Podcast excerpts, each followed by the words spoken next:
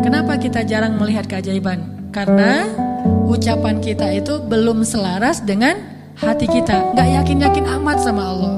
Sering bilang la haula wala quwata illa billah, tapi kita masih yakin ada kekuatan lain yang mempengaruhi hidup kita. Padahal kata Nabi kepada Ibnu Abbas, kalau semua orang berkumpul dan ingin menolong kamu, mereka tidak dapat menolong kamu kecuali dengan seizin Allah. Kalau mereka semua berkumpul ingin mencelakai kamu, mereka tidak bisa mencelakai kamu kecuali dengan ketetapan Allah. Allah, Allah, Allah, di tangannya lah segala kebaikan, di tangannya lah segala kerajaan. Tabarakalladzi biyadihil mulk wa huwa ala kulli syai'in qadir. Percaya enggak kita dengan ayat itu? Jawab dengan hati kita masing-masing. Kalau kita percaya, baru terjadi keajaiban dalam hal